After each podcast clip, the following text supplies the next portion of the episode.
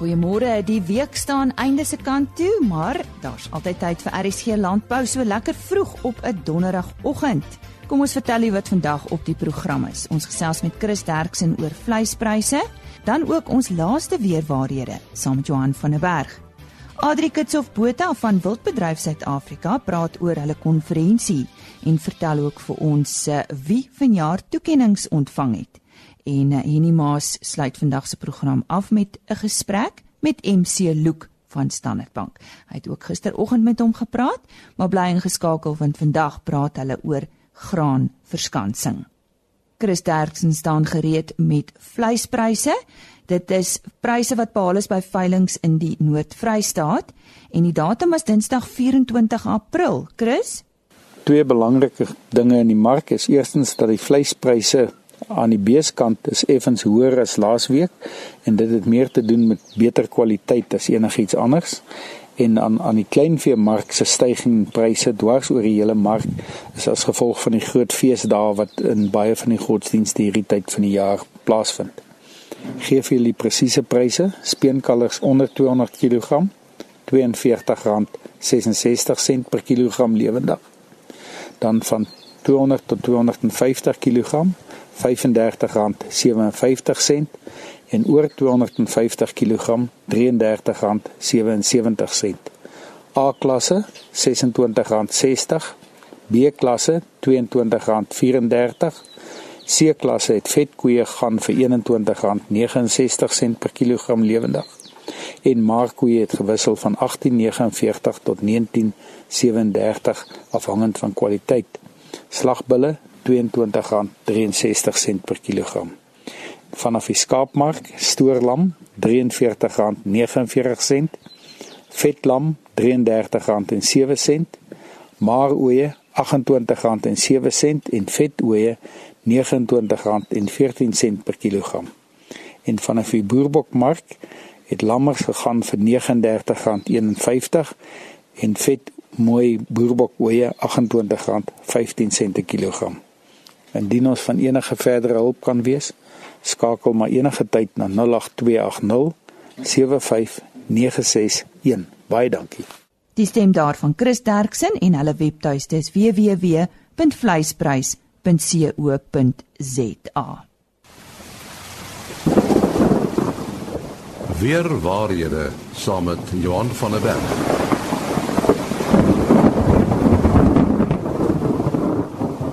Ons gesels uh, nou weer met Johan van der Berg oor weer waarhede. Inderdaad die laaste aflewering van hierdie rubriek wat uh so wat 'n jaar geloop het hier op RSG Landbou. Johan, uh jy jy praat altyd so entoesiasties oor oor weer en al die dinge. Waar het jou belangstelling in weerkunde begin? Ja, ek dink omdat ek maar 'n plaasseun is en ek het hier in die Wes-Vrystaat groot geword en veral in die droogte jare hier van 1965 uh, het 'n geweldige indruk op my gemaak uh, met die sand en die droogte en die marvee uh, en uh, die die weer is maar altyd deel van van enige boer se se lewe eintlik.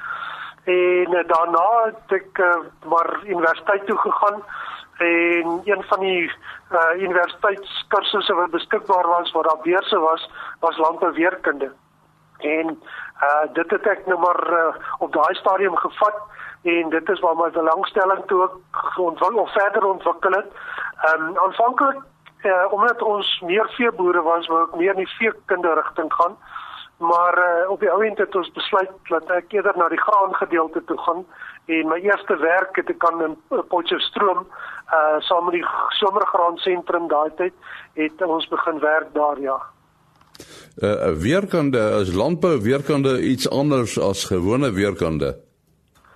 Baie duidelik, weerkande is die suiwer weerkundige gedeeltes.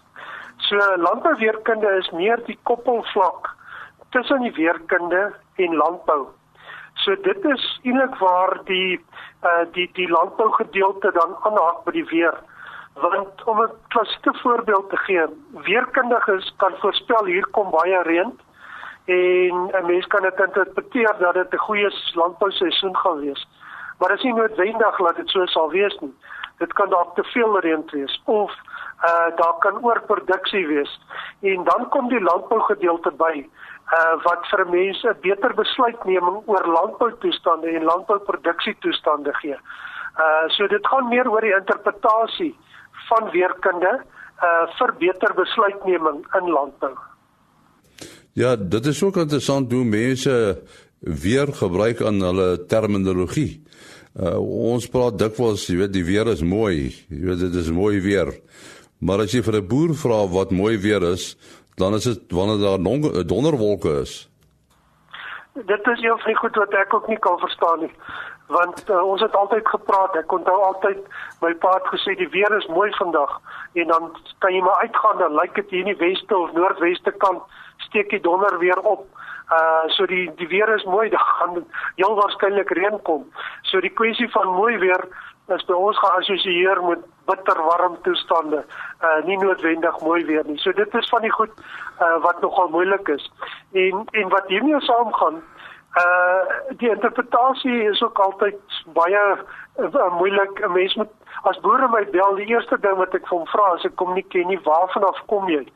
Hier is heelwat boere hier in in Appington in die Noord-Kaap wat my bel en as ek sê dit lyk goed, dan lyk dit nie goed vir hulle as ek sê dit lyk goed vir reën nie want vir my is die eerste reaksie 'n mens kyk of dit gaan reën en dan lyk dit goed. En vir al ons druiweboere en ander vrugteboere, reën is nie goed vir hulle nie. So dan moet ou eers baie mooi sê maar uh, dit lyk goed dat hier nie reën gaan kom nie. Uh wat so baie keer teen mense beginsels gaan want jy weet daar is baie boere net langs aan wat hoop vir reën. So dis nogal altyd belangrik om om te weet wat is goed. Uh en en ek dink dit is waar die interpretasie bykom en waar mense voordat jy 'n antwoord vir iemand kan gee, moet jy eers baie ander agtergrond kry uh om regtig 'n aanbeveling te kan maak. So jy sê dan dat 'n landbouweerkundige natuurlik uh anders kyk na weer as 'n gewone weerkundige as 'n gewone weerkundige. Uh sou jy ook sê dat 'n landbouweerkundige uh en 'n gewone weerkundige se uh, uh ek wil amper sê siening van die wetenskap van weerkunde verskil. Ek dink nogal so waar die landbouweerkundige nie noodwendig te diep in die sinoptiese gedeelte en in die suiwer weerkunde ingaan nie. Uh baie van die uh, weerkunde wat ons uh, in landbou gebruik is eintlik met die klimaatgedeelte te doen wat meer die langer termyn is alhoewel daar korttermyn soos ryp en sulke goed ook is. Ehm um, en die landbouweerkundige kyk na die inligting uh in die konteks van landbou terwyl die weerkundige suiwer weerkundig kyk.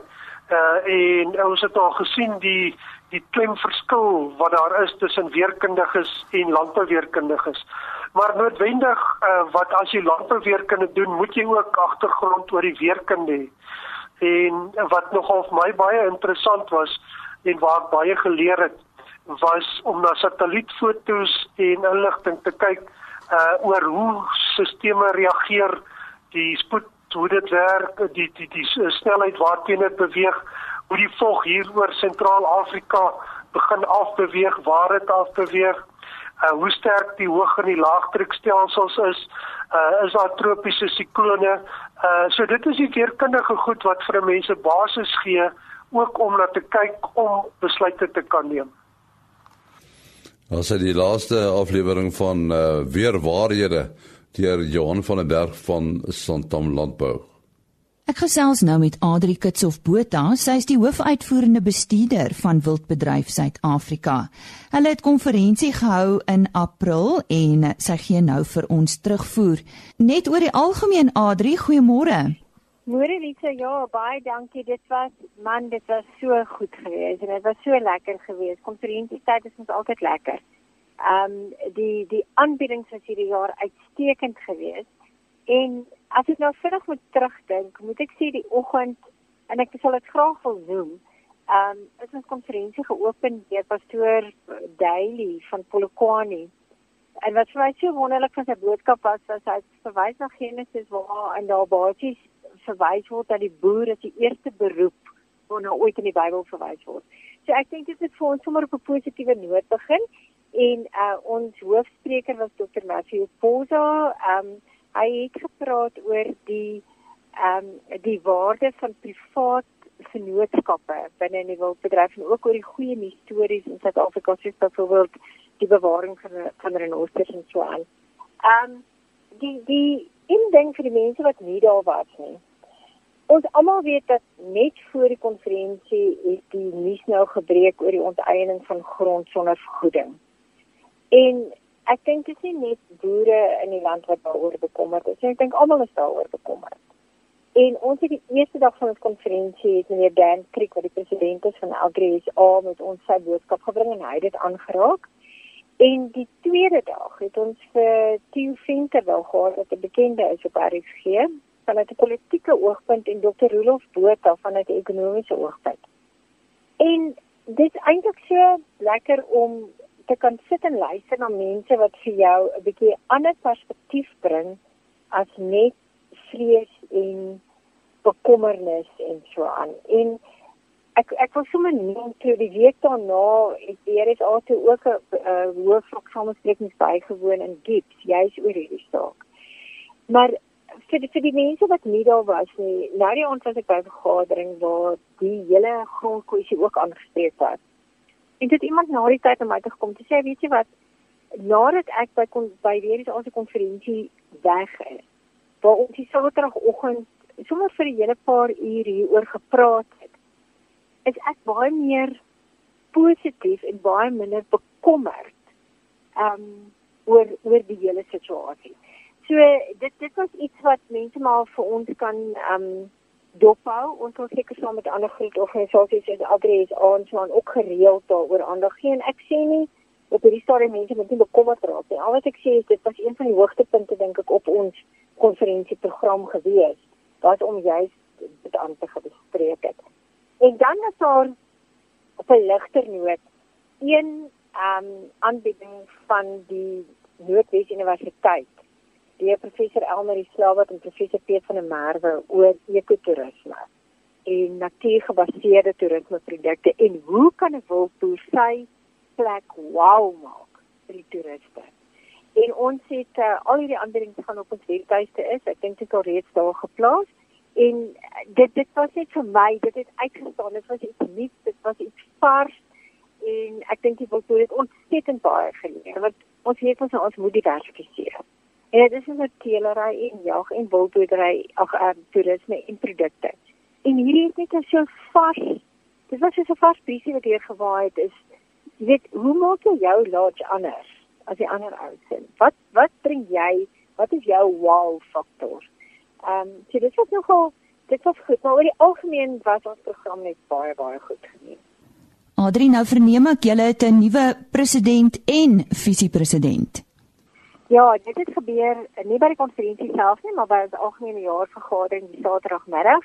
En die president wat gekies is, uh, is iemand wat al reeds op ons raad gedien het vir 3 jaar wat self 'n wildboer is, 'n absolute passie het en 'n man met 'n groot visie, nog redelik jonk en vol energie en dis Tebogo Mogashwa.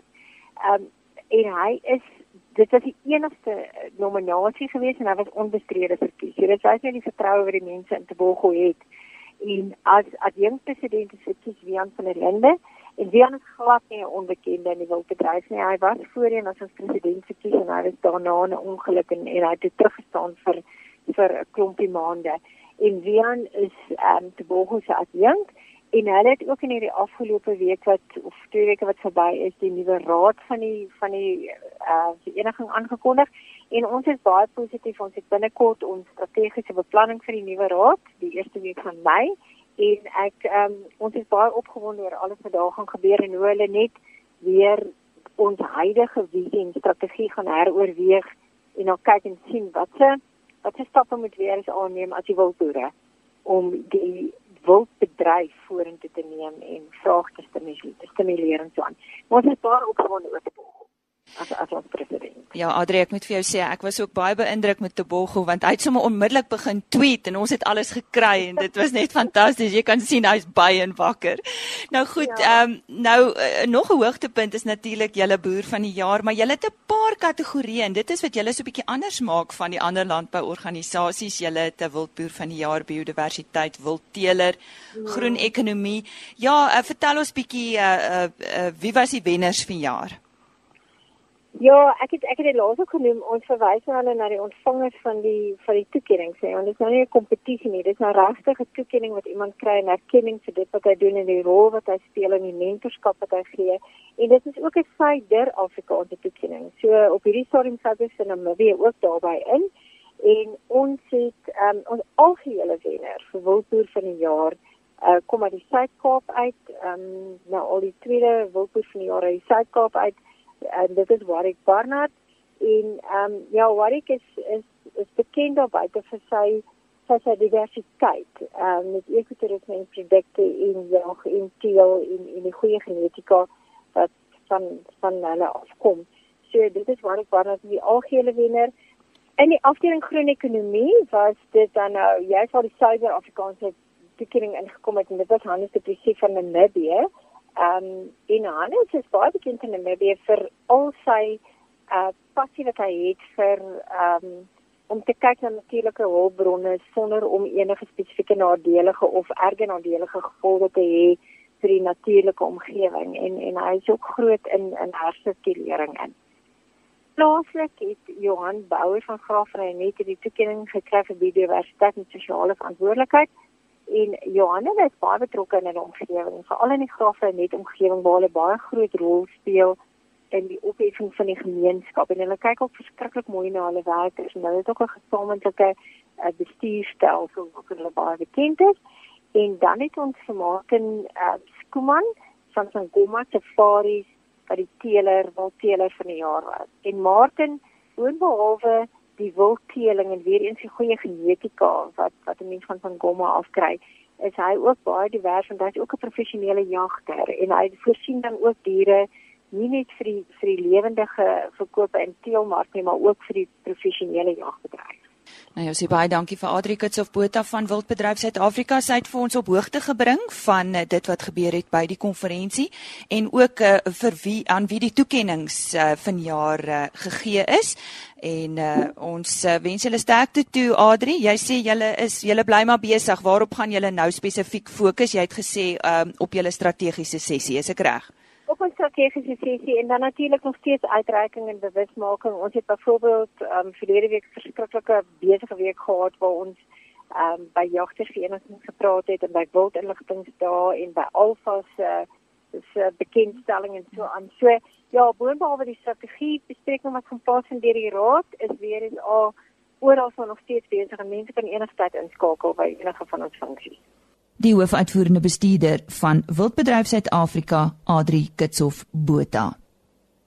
Gisteroggend het Henny Maas en MC Look van Standard Bank gefokus op goeie prysbestuur as dit kom by graan. Vanoggend gesels hulle verder. Ons uh, gesels nou weer met uh, eh, MC Look, uh, senior bestuurder agribesigheid by Standard Bank. En ons uh, het uh, voorheen gehoor hy praat oor uh, verskansing En uh, dit is waaroor ons vanoggend gaan gesels. Uh MC ehm um, wat is 'n uh, reële uh, prys van mielie? Uh, wat is dit presies? Uh nie die reële prys van mielies as ons as ons aanvaar dat daar in in alle pryse 'n uh, inflasie komponent is van een seisoen tot die volgende seisoen. Dan moet ons eintlik die inflasie komponent komponent isoleer om die prysrisiko te bepaal. So ons ons haal inflasie uit. Ehm um, en deur die ehm um, deur die mielieprys dan nou te defleer met die ehm um, verbruikersprysindeks ten einde reële prys te kry. So in kort is dit ehm um, reële prys is 'n is 'n prysvlak wat die inflasie uit uitgehaal is. En 'n verskansingsstrategie, wat is dit presies? Goed, die die vers, verskansingsstrategie ehm um, sit basies die doelwit uit een van jou ehm um, bemarkingsplan. Byvoorbeeld is dit om die hoogste moontlike prys uh deur die loop van die seisoen te behaal of is dit meer om 'n stabiele inkomste van jaar tot jaar te verseker? Uh dit word dan gewoonlik voor die seisoen opgestel um, en dan deur die loop van die seisoen geïmplementeer.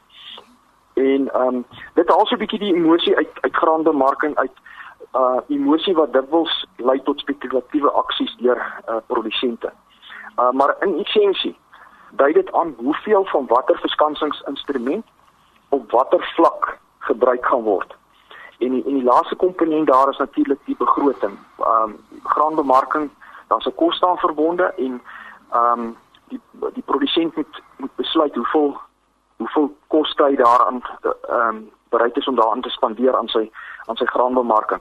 En as dit goed dan nou opgestel is in 'n op, op skrif gestel is, dan kan jy dit vir jou graanbemarker gee om dan te gaan uitvoer en hy dan die breë riglyne van waar binne hy uh, die ehm um, verskansingsstrategie kan implementeer. Jy het verskansinginstrumente genoem. Wat is dit presies?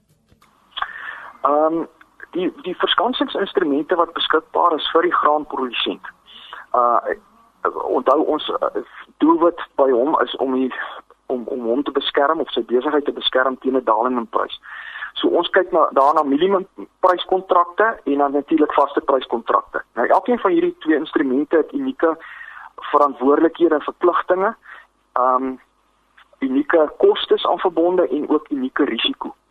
As ons kyk byvoorbeeld na 'n minimum pryskontrak, dan um is dit die vermoë van die kliënt of die die um uh ek kan ons hierdie vraag net oordoen. Doen maar oor. As, as ons kyk na 'n minimum pryskontrak, dan is dit om die um dan het net my gedagtes heeltemal verloor. Skus tog.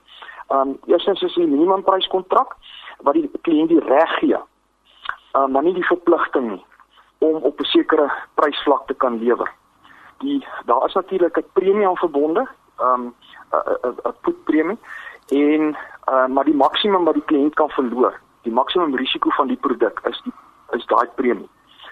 Um die ander instrument is die vaste prys uh, kontrakte. Nou hulle is aanvanklik heelwat goedkoper as 'n as 'n minimum prys kontrak. Maar die pryse is daar vas en die kliënt is verplig om op daai kontrak te lewer. Die risiko van daai produk ehm um, is dat as die kliënt nie kan lewer nie en hy moet die hy moet homself uit die kontrak uitkoop, dan is daar gewoonlik heelwat marges besprake en daai marges is ook heelwat groter dan as die premie van 'n minimumpryskontrak. So die risiko van hierdie produk indien hy nie geraan het om te lewer nie, is dan is dan heelwat hoër.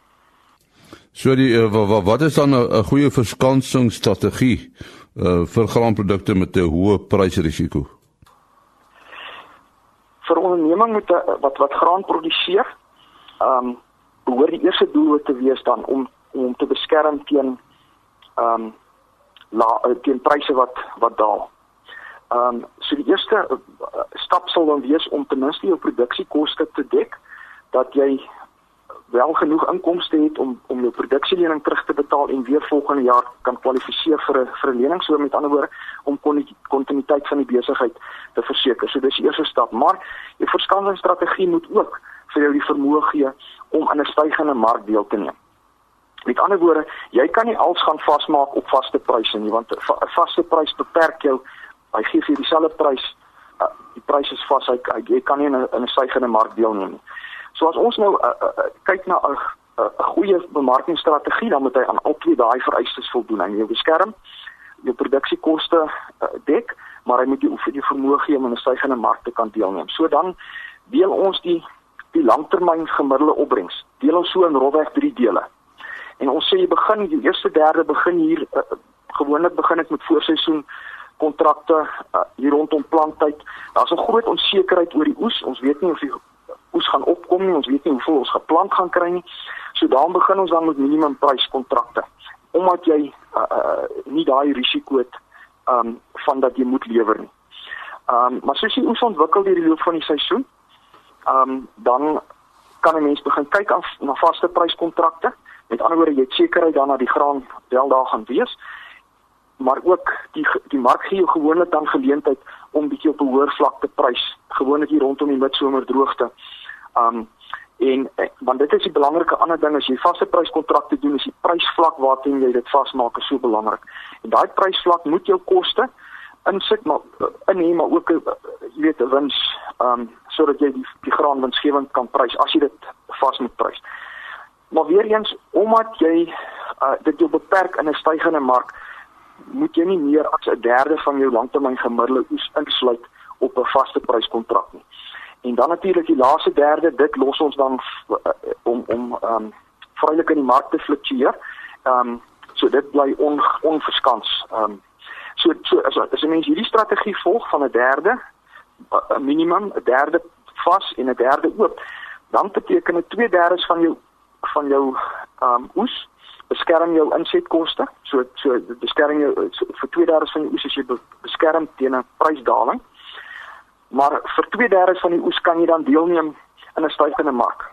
Ehm um, en dit is dan nou die die uh, doelwitte wat ons wat ons vooropgestel het wat dan nou op daai manier bereik word.